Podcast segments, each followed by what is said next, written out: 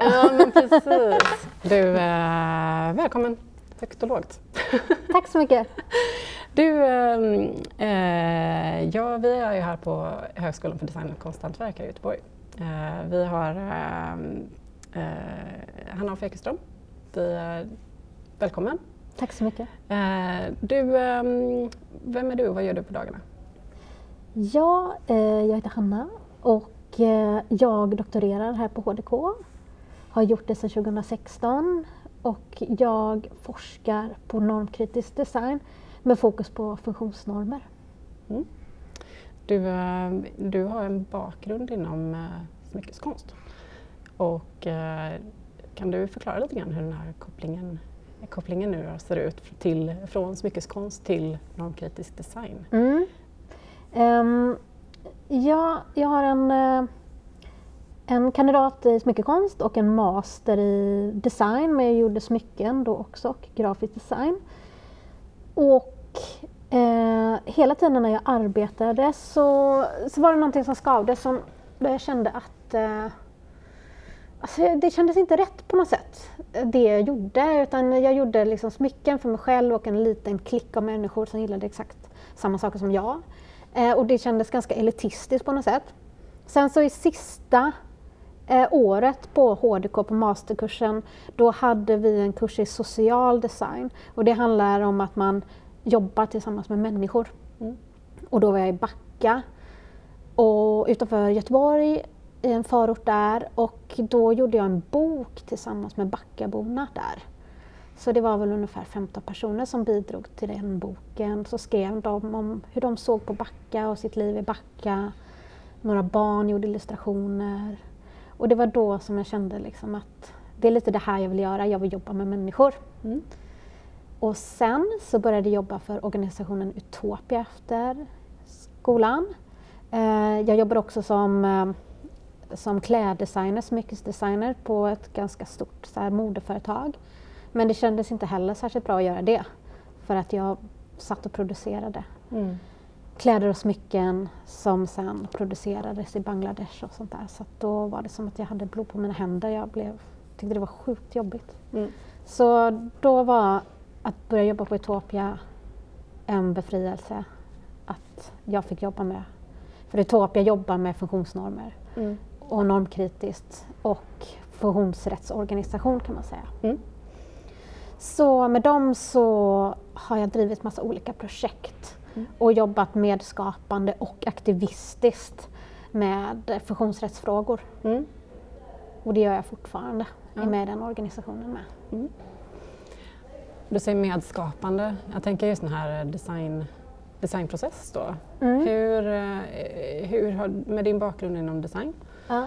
Uh, och nu i de här frågorna. Mm. Jag tänker, vi kommer komma in på ditt projekt här nu alldeles strax då, men, som vi är här för nu. Men yeah. jag tänker, vad, liksom, hur är uh, kopplingen och hur tillämpar du designprocess på, på den här typen av samhällsfrågor och tillgänglighet och jämlikhet? Så? Alltså, det är extremt viktigt att jobba med och inte för.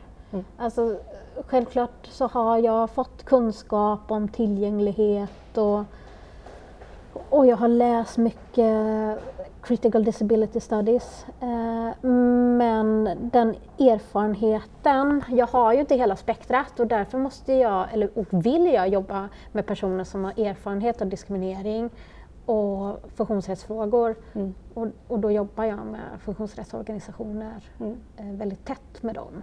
Ja. Kan du beskriva lite grann hur du gör då? Alltså de här medskapen, alltså hur, vad, vilka aktiviteter är det som, som du då blir initierar när du jobbar utifrån designprocess eller metod? Mm. Ibland så utgår jag liksom från egna frågeställningar som jag har i, mitt, eh, i min forskning.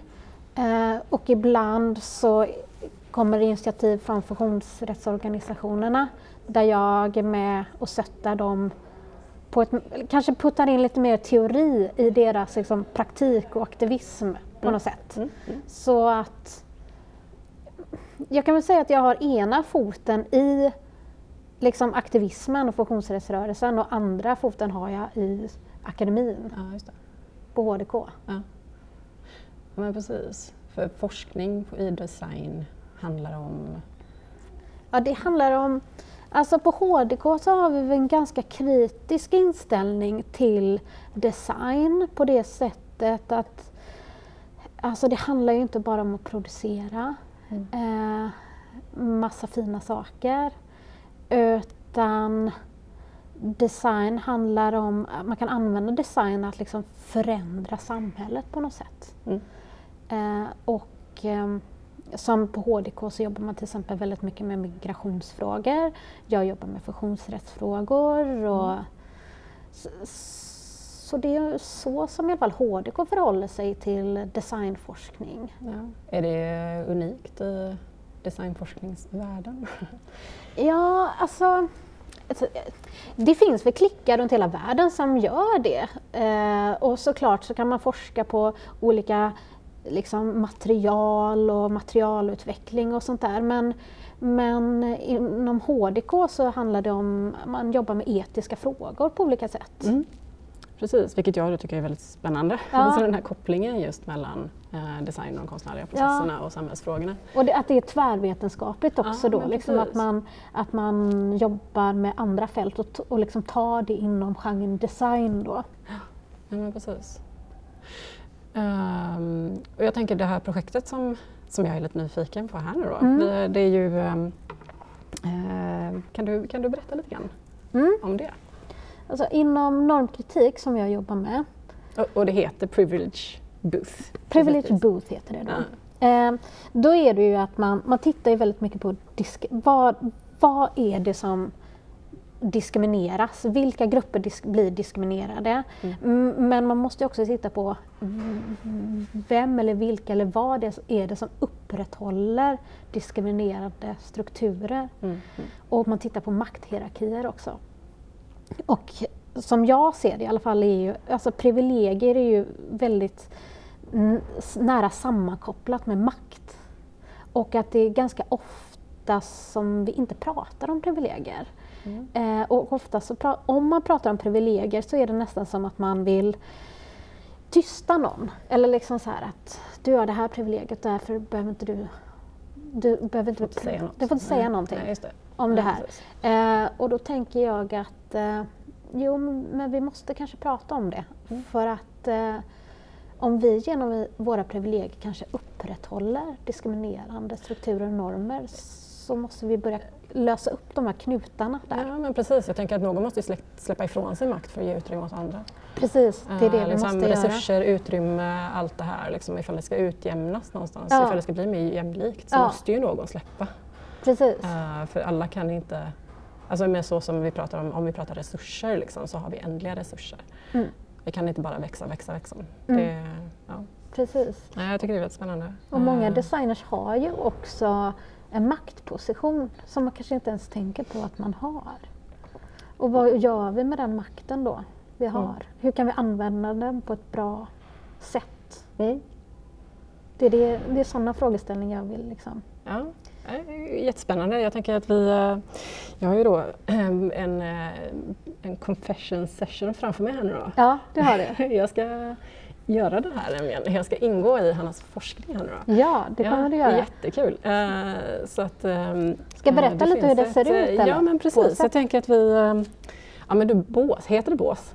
Jag ja, biktbås heter det ju. Biktbås. Jag var så här, gud, det känns, låter så här vanvördigt. Heter det så i katolska kyrkan? Så ja. Jag kunde inte komma på något annat, så typ kiosk eller stånd. Det känns ännu mer vanvördigt.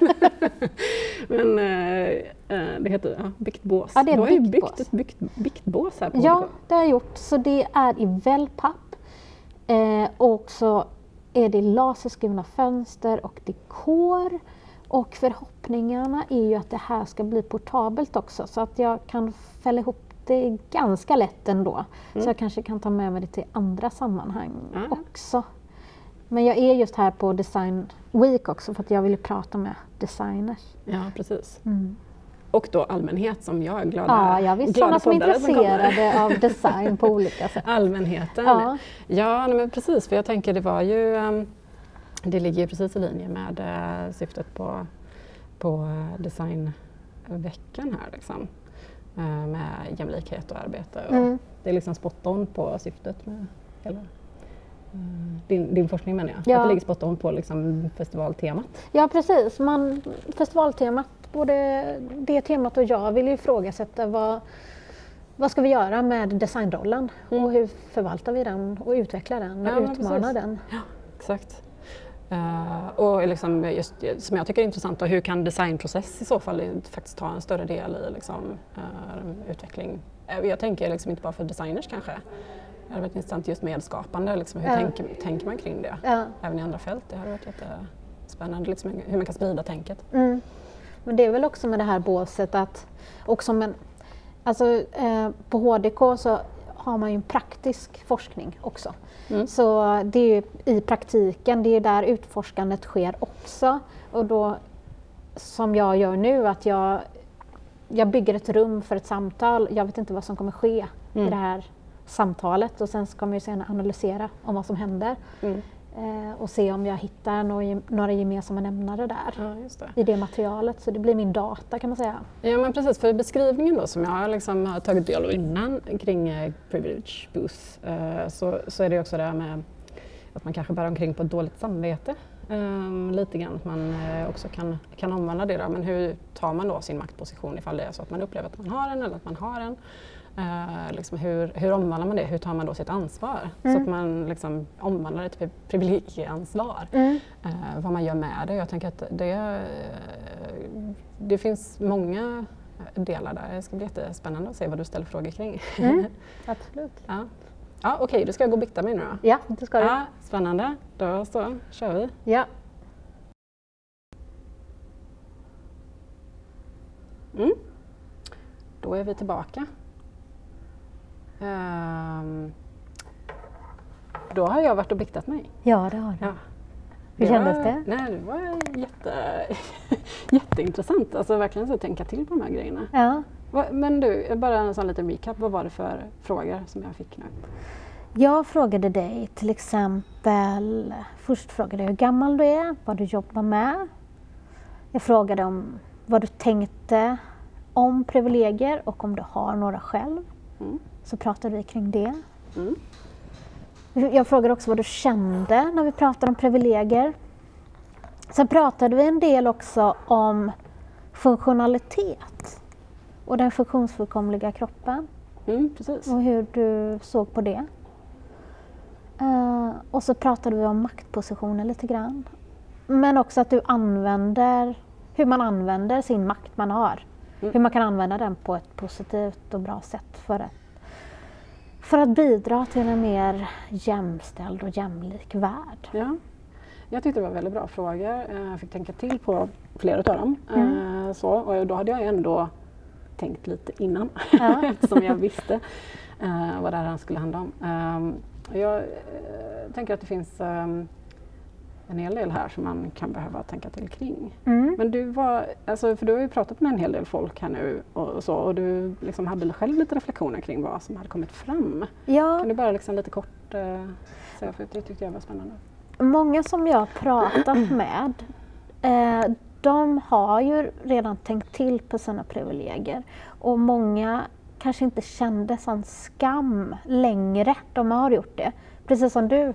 Mm. Du har ju också så här tagit ett steg vidare och tänker mer pragmatiskt på mm. mm. privilegier. Men då har jag märkt att många pratar väldigt mycket om empati. Mm. Om hur viktigt det är eller att det är en drivande kraft mm. i mm. deras liv på något sätt för att eh, bidra till en bättre värld på något sätt. Att det är empatin som som är liksom nyckeln till att förstå människor såklart. Då. Mm. Så det ska jag forska vidare kring. Ja, men precis. Och då bara... Så kom jag ju såklart in på den där rapporten som jag läste om i, tidigare idag då, ja, kring precis. det här med liksom osjälviskhet, att det var en framgångsfaktor. Ja. Alltså det är väldigt spännande också. Um, nej, men jag um, läste tips. Ja, det ska jag verkligen Så, läsa. Institutet för framtidsstudier. Um, den, eh, vad, vad, tänker du att eh, jag ska ta med mig härifrån? Att jag som eh, liksom har fått de här frågorna ställda här nu, vad, vad tänker du att eller deltagarna i den här? Ja, jag tänker väl att det, det är så himla viktigt att skapa ett rum att prata om privilegier. Det var därför jag byggde båset också. Mm, det var därför det, för det, jag... du har ju liksom ett fysiskt uh, Istället för att boka in någon på ditt kontor liksom, ja, men precis. Så, så berätta om det. Ja, men jag ville skapa en plats. Eh, och då tänkte jag så här, om jag skulle ha två stolar i ett hörn på HDK så kanske inte någon skulle komma. Men att en biktbås kanske är lite mer tilldragande. Också att den här religiösa referensen mm. på något sätt ger en förförståelse om vad vår diskussion kommer handla om. Mm. Att, ja, etik. Ja, ja, etik och att man är liksom att det, det handlar om att man ska vara ärlig, öppenhjärtig eh, och, mm. och sådär mm. i, i det här rummet. Mm. Så det var därför jag skapade det. Ja. det är en, ehm, de här kopplingarna just, alltså det känns eh, som att det uh, känns um, uh, ja men precis, det blir en annan atmosfär i ja. samtalet då. Ja. När man sitter i liksom en lite liksom bearbetad miljö. Ja liksom. precis. Nästa gång ska Med de associationerna. Ja, nästa gång ska jag ljudisolera den också. Mm det blir mm. ännu mer intimt. ja precis, för du satt ju och spelade in mig då. Ja, det, det gjorde jag också. Ombytta roller. Ja, precis. Men du, jag tänker, för du, du, du, din bakgrund där, för du har ju gjort massa olika saker. Du har ju då som sagt smyckeskonsten. Uh, du pysslar en hel del med musik vet jag sen innan. Uh, så, och du har ju också uh, gjort skivomslag och liksom har ju massa olika liksom, ben i ja. det här med, med design och så. Finns det några tråd i liksom, det som, som du gör? Liksom? Finns det någonting som utifrån design, finns det liksom någon grund både liksom i estetiken men också liksom värderingarna. Så, utifrån ditt eget, liksom, ditt eget uttryck eller? Ja, åh, svår fråga. Alltså, mm. Jag tror att jag har jobbat med religiösa symboler förut. När jag har jobbat med min smyckekonst och inom design också. Så med, med biktbåset kanske det har någonting där. Um, men sen, alltså jag tycker, alltså design är ju själva metoden kan man säga. Att man använder sig av design i, när man gör en workshop, hur man gör det hela grafiska upplägget kanske i en workshop. Mm. Nu använder jag ju också mig av produktdesign kan man väl säga, när jag byggde båset egentligen mm. och att ja. det blev en produkt. Eh, så design är väldigt flexibelt på det sättet. Liksom, att det, liksom den, den kreativa metoden där som, mm. som skapar olika situationer. Och det är nog designen som man kan också ställa frågor, tänker jag. Precis. Kan du bara utveckla det lite grann mer, liksom det här just metoden. Vad, liksom, har du några särskild så här, för jag tänker det finns olika designprocesser liksom, definierade på olika sätt. Så här. Men hur brukar du ta det an? Finns det liksom, har du liksom stakat upp liksom, någon, hur du jag önskar att det var mer uppstaplat men det är ganska mycket intuitivt egentligen. Men, mm. Men alltså rent konkret är liksom man har en idé, man börjar skissa, man börjar fundera på material, man börjar researcha runt det och, och så genomför man liksom det man vill göra. Mm. Eh, och sen så... Med, medskapande processer då, aktiviteter för att liksom se vad är målgruppen och sådär under tiden? Ja, det gör man också. Liksom, både när det gäller liksom produkten man gör och mm. också så här, hur man genomför en demokratisk process. För det, medskaparna handlar ju väldigt mycket om det. Liksom. Mm, mm. När och hur och vilka villkor är det man är medskapande på? Mm, till exempel, hur gör man med olika maktstrukturer i den här medskapande processen också kan det bli helt jämställt. Ja. Kanske inte om någon bara kommer in tillfälligt eller ska man ha en medforskare då och hur gör man det? Alltså, så det är så tusen olika frågor som man måste ställa sig till mm. i varje projekt och, och, varje sak man gör i princip. Mm. Um, ungefär så. Okay. Vad tänker du um om olika behov står mot varandra och så.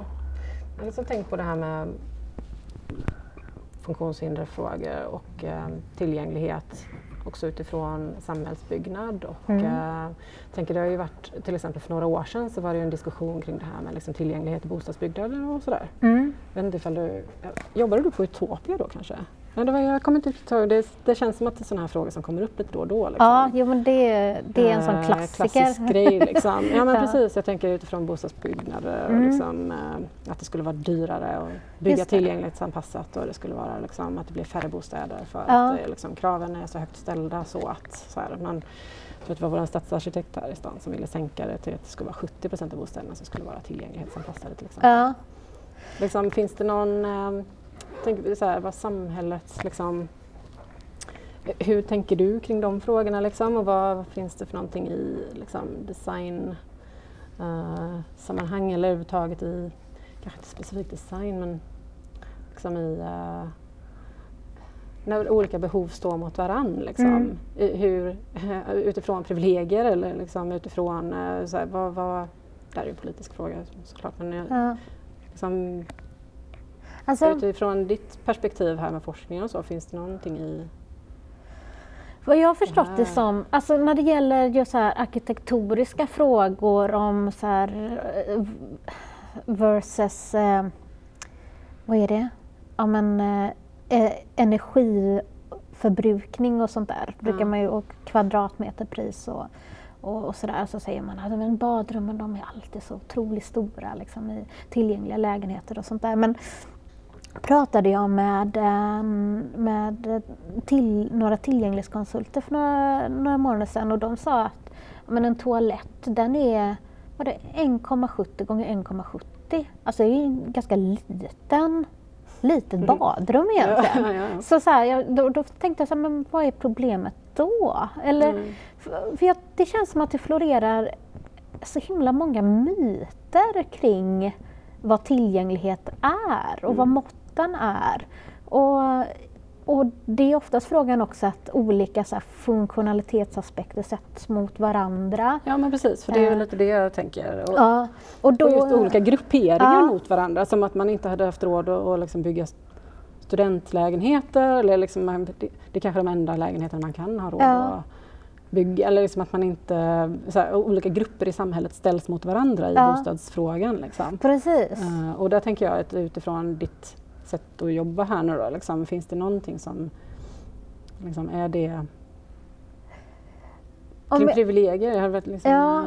alltså så här, om jag tar det till exempel till museisammanhang som jag jobbat med innan, mm. då, då tänker man ofta så här att eh, dels att olika behov ställs mot varandra och att då måste man göra en universell produkt som funkar för alla. Men det, det går inte. Eller man måste måste, man måste arbeta flexibelt och att eh, produkter är eh, ja, att de har en flexibilitet i sig så att den kan användas av olika människor. Och sen har vi upptäckt också att flera saker som är bra till exempel för en synskadad är jätte, jättebra för någon som har ADHD eller dyslexi. Liksom, när det gäller om man har en synsvaghet och ska följa till exempel en utställningstext. Mm. Om man på vänster sida har en, en svart balk, kan man säga, en svart eh, streck vid sidan av texten, då är det ju jättemycket lättare att läsa och följa Sök, texten för alla. För ögat, liksom. och, det, mm. och det är typ helt gratis att göra det och dessutom snyggt. Mm. Så det borde ju bara alla göra med ja. kommangen egentligen.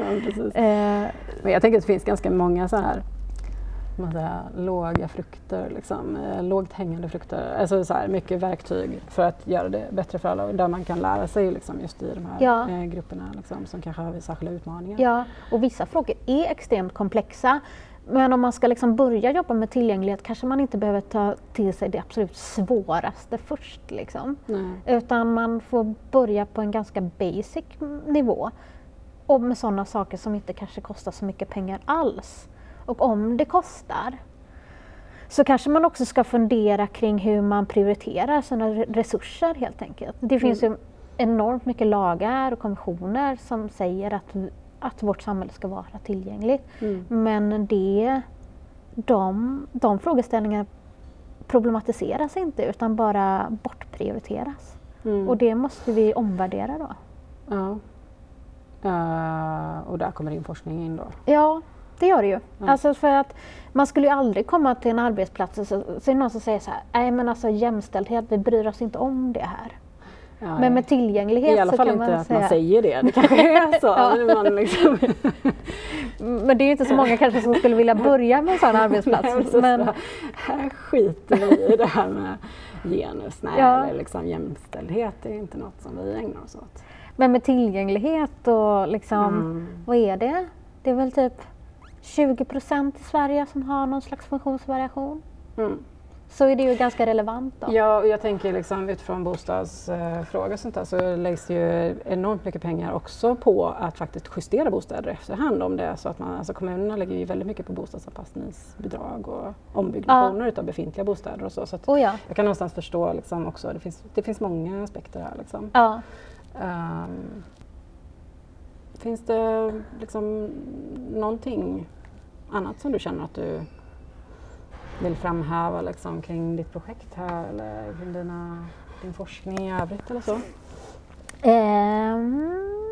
nej, nej, tror jag inte. Lite så.